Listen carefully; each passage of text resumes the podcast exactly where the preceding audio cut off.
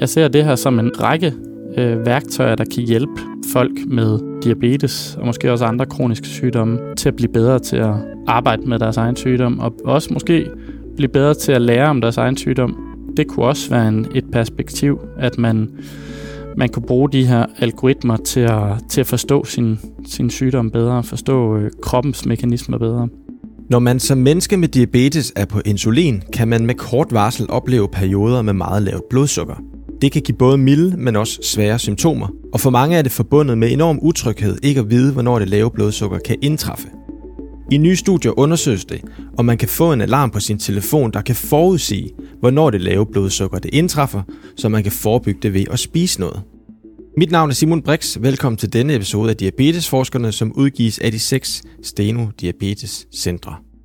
Og Morten Hasselstrøm Jensen, du er uddannet ingeniør i sundhedsteknologi, og så arbejder du som seniorforsker her på Steno Diabetes Center i Nordjylland, hvor du igennem længere tid har undersøgt muligheden for at skabe en digital løsning, der kan forhindre de her perioder, som, øh, som jeg nævnte i indledningen med, med blodsukker. Men inden vi dykker ned i det og dagens tema, så vil jeg først, øh, så vil jeg først høre dig, hvorfor det er, du synes, det er spændende og motiverende at forske i lige nuagtig digital øh, sundhed i diabetes.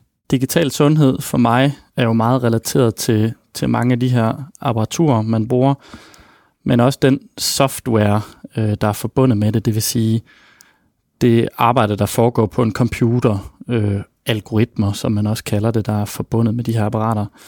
Og jeg er ingeniør i sundhedsteknologi, og det er, fordi jeg altid har haft en interesse for, for at arbejde med dimser og øh, for elektronik og, og alle de her nye, øh, nye ting, der hele tiden kommer. Det synes jeg er enormt spændende. På samme måde så har jeg, øh, har jeg en familie, øh, hvor der er rigtig mange øh, læger og sygeplejersker og jordmøder og andet øh, sundhedspersonel.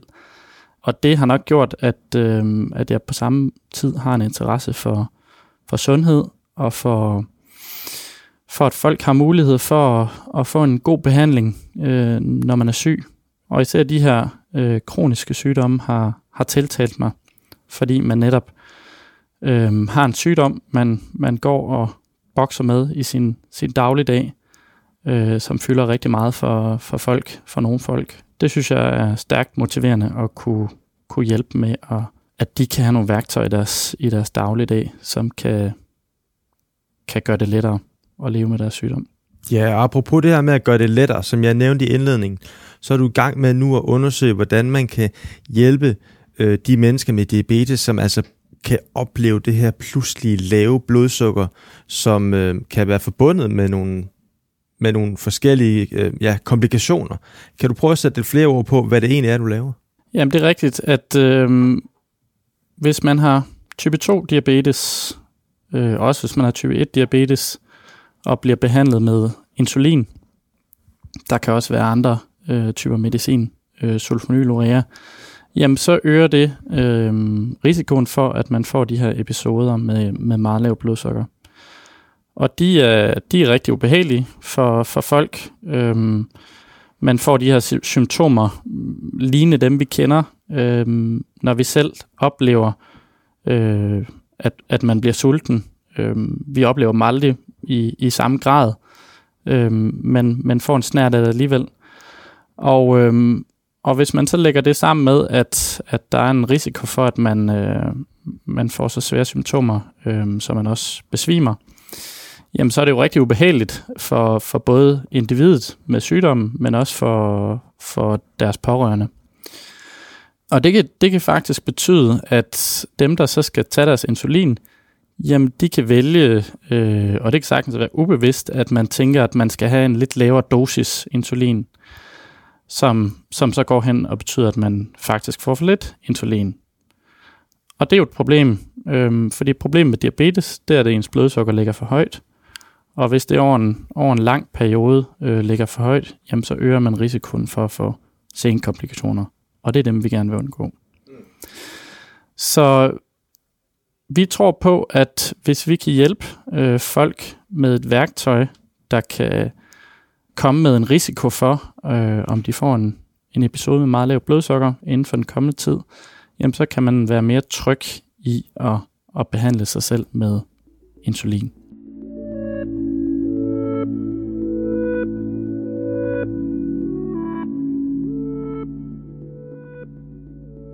Lavt blodsukker indtræffer typisk i forbindelse med, at man indtager sit insulin. Det kan både, øh, hvis man nu får insulin både øh, som basal niveau, altså en gang om dagen, og så også får det i forbindelse med måltider, jamen så kan man få de her såkaldte hypoglykemier om, altså ved måltidet, men det kan også være, for eksempel være om natten, man får dem. Om natten har man jo ikke, øh, indtager man jo ikke noget måltid som regel, så der vil ens øh, blodsukker øh, falde i løbet af natten. Og så kan man typisk se de her hypoglykemier om morgenen. Og det kan være, mens man sover. Og øh, i nogle situationer vågner man, fordi man får de her øh, symptomer, og i andre situationer vågner man ikke. Og for eksempel, hvis man får gentagende, altså hvis man, hvis man tit oplever hypoglykemier, jamen så, øh, så reagerer man ikke, øh, så får man ikke de her symptomer i samme grad. Og så er det ikke sikkert, at man vågner af dem, hvilket kan være et problem. Men vil det sige, at man potentielt vil skulle op om natten for at, at indtage noget, eller hvordan? Altså det kunne, øh, det kunne være i, i de situationer, hvor øh, man har det apparat, der øh, hedder en kontinuerlig glukosemonitor. Der medfølger tit nogle alarmer, man kan sætte, som gør, at man bliver alarmeret, hvis blodsukkeret bliver for lavt. Men det, som de her continually glukosemonitorer de måler, det er øh, sukkerniveauet i vævet, som egentlig afspejler blodsukkeret øh, relativt godt, men dog ikke helt præcist. Og det betyder, at, at der faktisk kan være øh, en del af de her falske alarmer. Så man får en alarm om natten, øh, står op, og så tjekker man måske sit blodsukker med en fingerstikmåling, og finder ud af, at der faktisk ikke var en hypoglykemi. Og det er selvfølgelig rigtig uheldigt, at man netop bliver vågnet op eller vækket om natten, uden at, at der er et problem.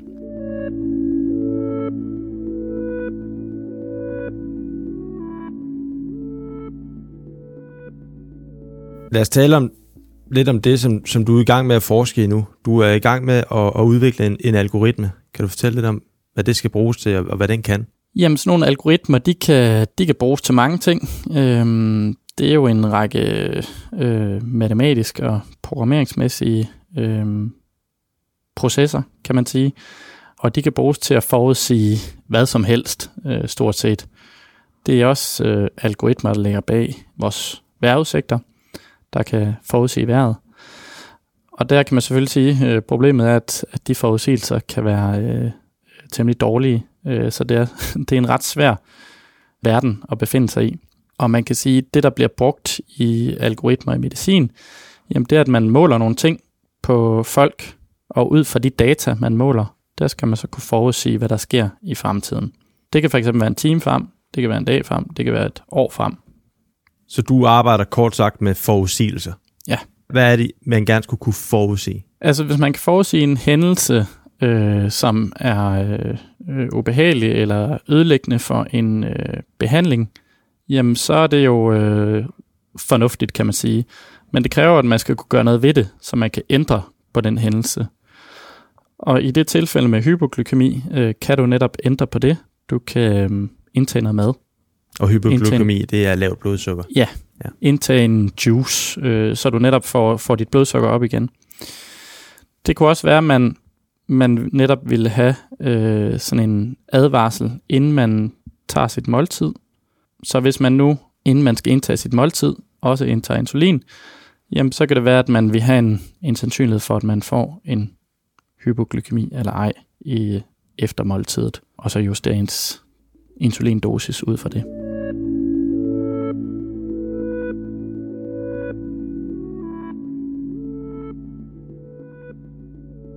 Men hvordan arbejder I med at blive bedre til de her forudsigelser? Jamen, det kommer jo lidt af sig selv, fordi at øh, de data, vi bruger til at øh, arbejde med de her forudsigelser, jamen, de bliver bedre og bedre. Så apparaturet, som man kan bruge til at, at måle på folk, det kan fx være de her kontinuerlige glukosemonitorer, jamen de bliver bedre og bedre glukosemonitorer. Hvad er det for noget? Ja, så det er jo et apparat, der kan bruges til at måle øh, sukkerniveauet i vævet. Og, og det niveau øh, ligner meget godt blodsukker, som, man, som er det, man er interesseret i. Okay, så I har udstyret nogle mennesker med diabetes med de her glukosemonitorer? Ja. Som hvad? Som der løbende bliver mål på, og som bliver sender signaler til jer, I kan bruge, eller hvordan fungerer det? De måler faktisk øh, hele tiden i underhuden, øhm, men man får så kun en måling hvert femte minut. Og når de så er koblet op med en telefon, en smartphone, jamen så øhm, vil de i mange tilfælde blive, øh, øh, de her data blive uploadet til en server, så vi har mulighed for at, at hente de data og arbejde på dem. Og i princippet vil, de også kunne, øh, vil man også kunne lave algoritmer, der vil kunne arbejde på de her data hele tiden og give beskeder tilbage til folkene med diabetes eller deres behandlere, mm. eller begge, eller og, pårørende for den sags skyld. Og hvor mange mennesker med diabetes render lige nu rundt med de her glukosemonitorer og sender øh, signaler og nye data til, til dig og dine kollegaer? Det er der ikke så forfærdeligt mange, der gør, fordi at, at de har haft en tradition med at være dyre, og, og måske også fordi de netop har været øh, mere upræcise, end de er i dag. Men tendensen peger mod, at øh, de her apparater bliver, bliver mere og mere tilgængelige til, til flere grupper af folk. Jo flere, der render rundt med dem, og jo flere data I får, jo, jo, jo mere sikre kan I blive i jeres forudsigelse. Ja. ja. Og der er også alt, alt muligt øh, andet apparatur, som kan hjælpe. Øh, for eksempel så er det jo rigtig vigtigt at vide, hvad for noget insulin de tager, hvor stor en dosis og hvilket tidspunkt de tager dem. Og der kommer også øh, de her nye øh, smarte insulinpinde, som netop gemmer de oplysninger, og øh, hvor øh, data relativt nemt kan, kan overføres til, til os for eksempel. Det kan også være øh, aktivitetsmålere, det vil sige øh, målere, der måler fysisk aktivitet. Der er jo mange af de her uger, øh, som kan give et rimeligt bud på, hvor fysisk aktiv man, man er. Som har en påvirkning på blodsukkeret. Nemlig. Så, at så jo, mere man, øh, jo, jo mere man er fysisk aktiv, jo, jo, jo lavere bliver blodsukkeret. Ja. Det er jo selvfølgelig ikke, fordi vi er interesseret i at overvåge folk, om de nu er fysisk aktive. Det er mere fordi, at det er en faktor, der spiller ind på ens blodsukker. Ja, jeg tænker, at de her mennesker, som er med, indvilder i det, og tænker, at det her er for the greater good. Ja, og, og de ved jo også, øh, hvad de går ind til. Øh, de går netop ikke ind til, et, til nogle forsøg, hvor vi øh, vil sidde og, og overvåge dem og sige, at det går ikke, at de ikke bevæger sig for eksempel. Det er simpelthen øh, for de her algoritmers skyld. Men øh, bare lige sådan for at være helt sikker, altså hvordan, hvordan fungerer det helt lavpraktisk? Altså sådan en, en glukosemonitor, hvordan er den, hvordan er den øh, placeret, eller hvordan fungerer Jamen, man kan have den placeret på, på mange forskellige måder. Altså de nye, det, de nye, der kommer, det er nærmest et øh, plaster, man bare sætter på huden. Det kan være på, på maveskinnet, og så er der en lille nål, der stikker igennem huden, og så måler øh, vævssukkerniveauet. Der sidder så en lille øh, sender i det apparat, som så kan sende data til ens telefon. Så efterhånden fungerer det rimelig, øh, ja, både smertefrit, men også øh, nemt og diskret, kan man sige. Mm. Mange giver udtryk for, at når man, når man har en, en kronisk sygdom, så er det jo ikke den, man vil have i, er i fokus i alle mulige andre sammenhænge. Så det må godt være diskret, øh, eller det skal det faktisk være, for at, at folk er interesseret i at bruge det.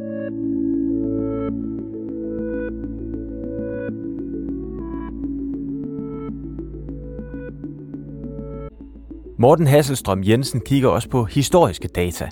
Altså store mængder af data, som allerede er indsamlet til tidligere formål, for eksempel til at få godkendt et lægemiddel. Men hvad er det, bare sådan kort fortalt, I kigger efter i de her data? Jeg formoder, I kigger sådan med nogle, med nogle øjne efter noget helt særligt. Det, der er vores fremgangsmetode, det er det, der hedder maskinlæring. Øh, ja, som hjælper med at kigge igennem en masse data ja. faktisk på ret kort tid ved hjælp af ja, teknologi. Ja.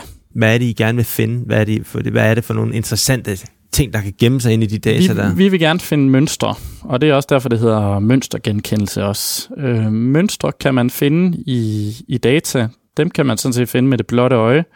Men, øh, men menneskets øh, hjerne er ikke så god til at, til at overskue rigtig mange parametre på en gang.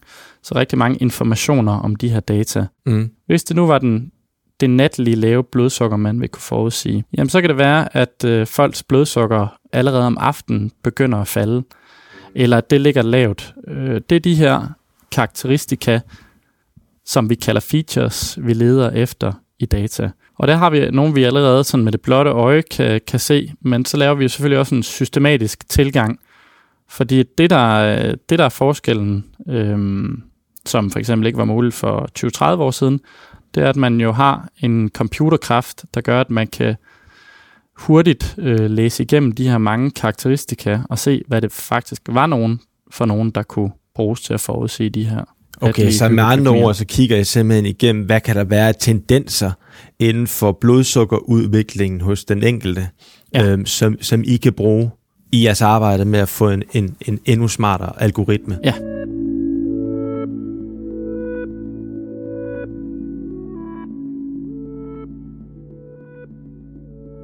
Morten, hvor langt er I? Jamen, øh, vi har lavet nogle øh, prototyper på nogle, øh, på nogle algoritmer, som virker øh, i det, man vil kalde et acceptabelt niveau.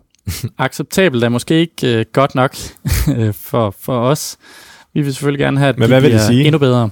Det vil sige, at de kan forudsige øh, øh, hypoglykemier med et niveau, hvor man ikke øh, får alt for mange falske alarmer, for eksempel. Men hvor man samtidig forudsiger nok, altså en stor nok andel af de hypoglykemier, der så rent faktisk opstod. Så en prototyp har I nu på plads, som gør, at folk ikke skal stå op om natten forgæves, fordi de har fået en falsk alarm. Og, og ovenikøbet er så klog, at den faktisk kan, kan fortælle om, hvornår de vigtigste, hvornår de mest sådan udtalte sådan lave blodsukker kommer til at opstå. Kan man sige ja. det på den måde? Ja, det kan man godt. Og, så, og det skal I så forfine, så I helt får udryddet de falske alarmer. Ja, vi får aldrig udryddet de øh, falske alarmer, øh, og vi får aldrig forudsagt øh, alle hypoglykemier. Det er desværre ikke sådan, øh, verden fungerer, når man har en menneskelig krop. Der kan man ikke forvente at kunne, øh, kunne karakterisere den fuldstændig, og, og derfor kunne, øh, kunne forudsige med perfekt nøjagtighed. Mm. Og det er den øh, verden, øh, vi lever i, at, at det kommer ikke til at blive perfekt men, øh, men det er også okay. Fordi det skal selvfølgelig vurderes op imod alternativet, hvor alternativet kan være, at man netop ikke har noget bud på, om man får en, øh, en hypoglykemi i fremtiden. Og tør du sige noget om, hvornår at øh, algoritmen er god nok til, at den kan komme ud og fungere ude i, øh, i det virkelige liv, så at sige? Altså sådan, at dem, der måtte sidde og, og lytte med øh, og tænker, det her det lyder godt nok smart, hvornår kan det komme dem til gode? Altså det har potentiale for at kunne blive testet i et medicinsk studie eller klinisk studie i 2024 eller deromkring. Fordi når du så har sådan et, en, en algoritme, der kan hjælpe folk, jamen så bliver man jo nødt til at vurdere, hvad gør det så for folk i forhold til, hvis man har en gruppe, der ikke har den algoritme. Så så vil man ud og lave et såkaldt randomiseret kontrolleret studie, hvor man måske har øh, en gruppe af deltagere, øh, hvor halvdelen får den her algoritme tilgængelig, og hvor den anden halvdel så bare fortsætter i vanlig stil. Og så vil man jo for eksempel se på, jamen får dem, der så får øh, algoritmen, får de færre antal hypoglykemier. Mm. Får de en bedre blodsukkerregulering, og så holde det op mod hinanden og se, om, om det så kan svare sig at folk får den her algoritme. Ja, så det er, det er jeres øh, måde i forskerverdenen at eftervise, hvad de her ting, vi synes, vi kan se, passer det så også i virkeligheden. Ja. Ja. Kan det bruges til noget ja. i bund og grund egentlig?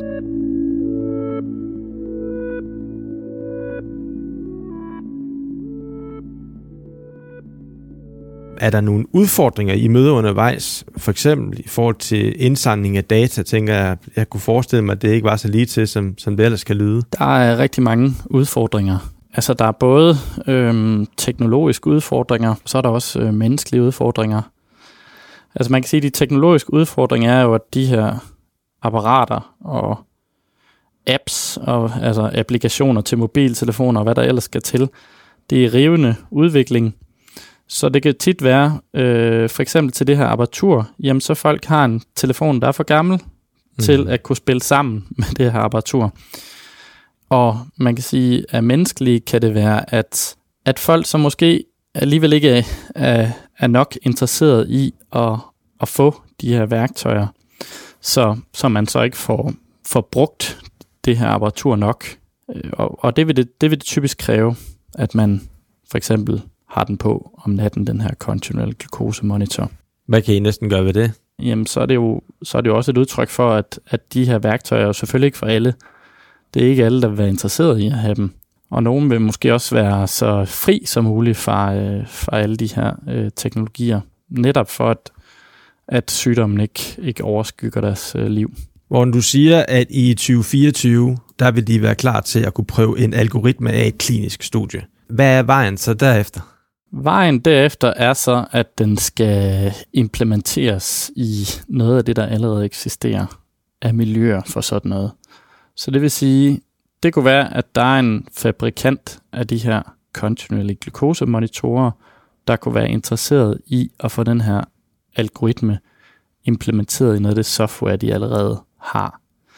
Fordi vi er jo ikke interesseret i at bygge en ny løsning, som sådan en ny øh, app, som folk skal downloade til deres telefon. Øh, for mig handler det så øh, meget om at genbruge det, der allerede er i forvejen, så man ikke skal, skal prøve nye, altså lære nye ting og lære nye brugergrænseflader. Øh, der kunne jeg godt tænke mig, at brugerne skal kunne genbruge det, de allerede har. Øh, så det kunne være en form for feature, man kunne øh, implementere i det allerede eksisterende, som, som folk bruger. Så måske kan man være heldig, at man kan downloade den på, på en app, man allerede bruger her ja. i, i 2024, og det ja. vil måske være det, det, man så kalder en beta-version. Altså sådan en, en version, der egentlig er under udvikling. Det kunne det være, ja. ja. Det kunne være, øhm, at man netop bare skal opdatere en app, man allerede har, øhm, til at kunne få de her muligheder.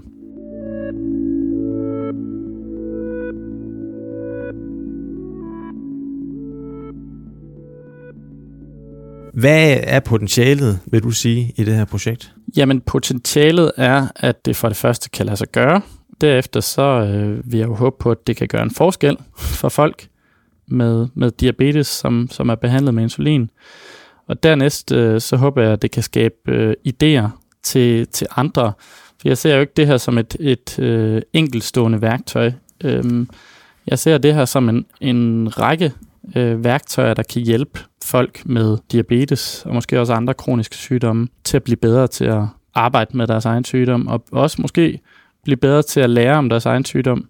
Så, så det, det kunne også være en, et perspektiv, at man, man kunne bruge de her algoritmer til at, til at forstå sin, sin sygdom bedre, forstå øh, kroppens mekanismer bedre. Hvad, hvad er det vigtigste, du har lært? Jamen det vigtigste, jeg har lært, det er øh, nok, at man skal øh, inddrage brugerne, så folk med ja, type 2 diabetes, type 1 diabetes, øh, meget tidligt i processen. For eksempel, når man går i gang med at designe et klinisk studie, hvor man vil opsamle data, jamen, så skal man finde ud af, hvad er folk egentlig interesseret i, at der bliver opsamlet. Og de skal jo også med i, i problemfasen, øh, så man kan få afdækket, hvad er det egentlig, de går og bøvler med? Hvad har de af problemer i hverdagen? Og det er jo det, er jo det jeg er meget opdraget med, kan man sige, fra, øh, fra min, kvæg min øh, uddannelse på Aalborg Universitet, øh, at vi har den her problembaserede tilgang. Øh, vi kaster os ikke så gerne ud i ting, hvor der ikke er nogen problemer, og prøver at finde løsninger på ting, øh, hvor der ikke er nogen problemer. Og så kunne jeg godt tænke mig her til sidst, Morten, at vi lige lavede en, en kort opsamling på, på det, vi har snakket om her i de seneste 20-25 minutter. Hvad synes du, det vigtigste er, at lytterne tager, tager med sig videre? Jamen, jeg synes, det vigtigste det er at vide, at der øh, eksisterer en masse initiativer derude, hvor folk prøver at, at gøre det lettere netop at, at leve med diabetes. Og jeg, jeg er ret sikker på, at vi kommer til at se øh, mange af de her øh, initiativer, at de rent faktisk bliver til øh, konkrete produkter eller løsninger, som, som folk kan benytte sig af. Så det, det synes jeg helt klart, at man skal, man skal holde øje med, hvis man, hvis man har en, en interesse i sin egen, egen sygdom. Godt, og med de ord, så vil jeg sige tusind tak for, for snakken, Morten. Og øh, dermed slut på den her episode af Diabetesforskerne. Husk, du kan finde de andre episoder i enhver podcast-app og på Steno Diabetescentrenes hjemmesider. Mit navn er Simon Brix. Tak fordi du lyttede med, og på genhør.